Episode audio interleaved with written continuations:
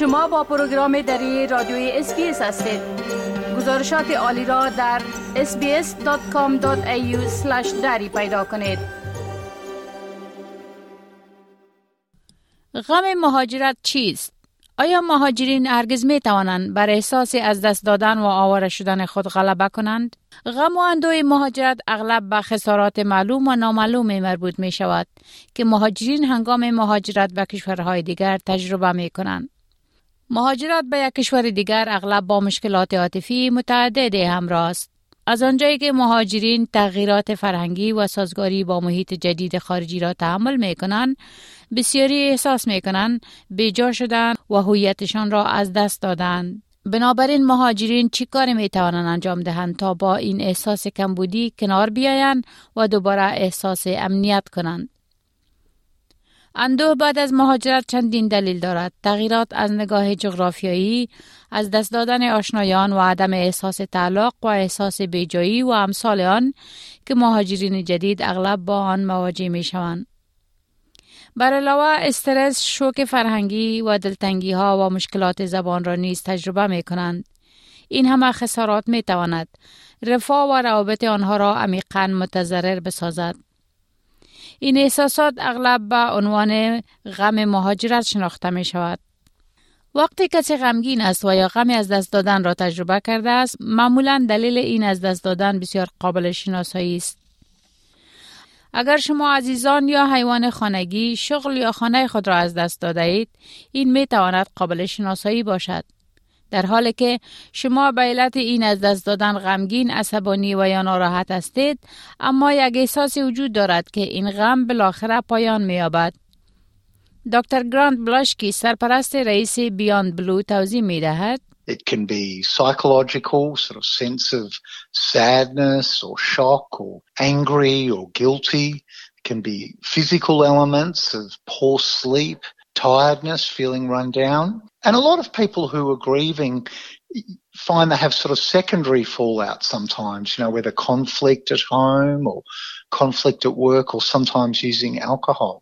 با این حال مهاجرین انواع دیگری از ضایعات عاطفی را نیز تجربه می کنند که گاه مشخص و گاه هم نامشخص هستند این به عنوان زیان مبهم شناخته می شود دکتر بلاشکی ادامه می دهد When someone grieves and they've had some sort of loss, most commonly the loss is very identifiable. You lost a loved one or pet or you lost a job or you lost your house and it's very identifiable and, and you're sad and you're angry and you're upset, but it's got a sense of closure about it. Whereas ambiguous loss is when there's some degree of lack of clarity about the loss. So it's very hard to manage that grief and come to terms with things. از دست دادن مبهم زمانی است که به وضاحت دلایل این حس کمبودی وجود داشته باشد. بنابراین تحمل غم و اندو و کنار آمدن با آن بسیار دشوار است. جورجی آروش روانشناس متولد یوروگوای رئیس خدمات درمانی و توانبخشی تجربه کنندگان شکنجه و تروما همچنین معتقد است که غم مهاجرت اغلب از ترکیبی از احساس کمبودی واقعی و غیر قابل سنجش سرچشمه می گیرد. ما ممکن است با از دست دادن دوست و یا یکی از اعضای خانواده ما و یا مکانهایی را که دوستشان داریم غمگین شویم. ولی این غم را اکنون پشت سر گذاشته ایم و دیگر نمی توانیم با آن برگردیم. اما غم مهاجرت به چیزهای مربوط می شود که کمتر قابل دیدن است و دلایل آن واضح نیست. یعنی غم پنهانی است. مانند از دست دادن هویت و موقعیتی که قبلا داشتیم یا از دست دادن یک محیط رسمی مانند کار و همچنین وضعیت غیر رسمی. ممکن است غم از دست دادن موقف اجتماعی شما دلیل این غم و اندوه باشد. آقای آروش می گوید در برخی موارد غم و اندوی مهاجرت به این احساس که اگر من مهاجر نمی شدم چی می شد نیز مربوط می شود. بسیاری از این چیزها لازم نیست منطقی باشند و بسیاری از مردم گاهی از این کمبود احساس گناه می کنند زیرا می توانند ببینند که در شرایط واقعی در کشور جدیدشان وضعیت بهتری دارند. مسائل دیگری که اغلب با وجود می آید مانند احساس غم در زمان به دست آوردن موفقیت زمان آنها متاثر می شوند که این دستاوردشان را نمی توانند با عزیزانشان که از آنها دور هستند شریک سازند و یا برعکس آن که غم و اندوهشان را هم شریک کرده نمی توانند و از بیان آن احساس گناه می کنند. آقای آروش توضیح می دهد مهاجرین و پناهندگان ممکن است از شکایت کردن احساس گناه کنند با این حال او هشدار می دهد که برای مهاجرین مهم است که غم و اندوه خود را بپذیرند و ابراز کنند تا بتوانند این مشکلشان را حل کنند کمال شرما متولد کشور هند و رئیس برنامه آریو اوکی می گوید زمانی که برای اولین بار به استرالیا آمد در درک موقعیت مناسب خود با مشکل مواجه شد. اگرچه آقای شرما می‌گوید که تجارب فرهنگی و اختلاط با افرادی که از کشورهای شما هستند می توانند یک اندازه راحتی و اطمینان را برای مهاجرین جدید فراهم کند.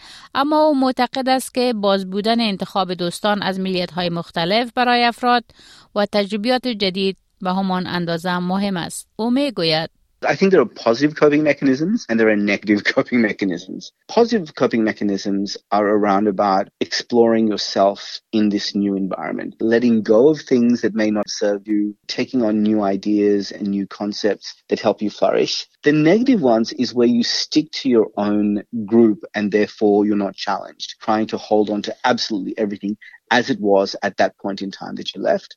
I think it's really critical to challenge yourself with new ideas, discovering who you are, what you are, and really exploring your identity in a different culture. آقای شرما همچنان میگوید من فکر میکنم روش های سازگاری منفی و مثبت دیگر هم وجود دارد. موارد منفی آن است که شما با گروه های خود بیشتر سازگاری می کنید.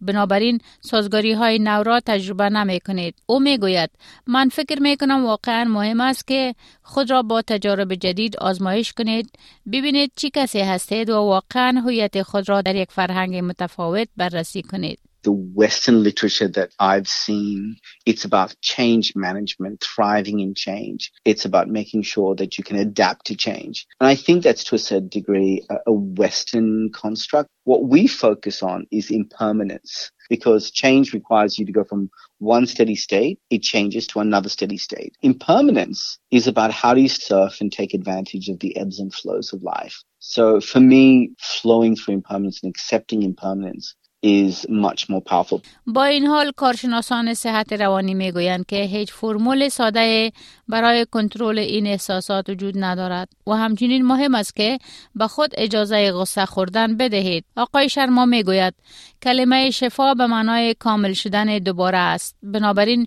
شما دوباره در یک محیط جدید شروع به کامل شدن می کنید. گذشته ها را رها کنید و به جای تازه سازگاری کنید. زیرا انتخاب بخش بزرگی از روند درمان است.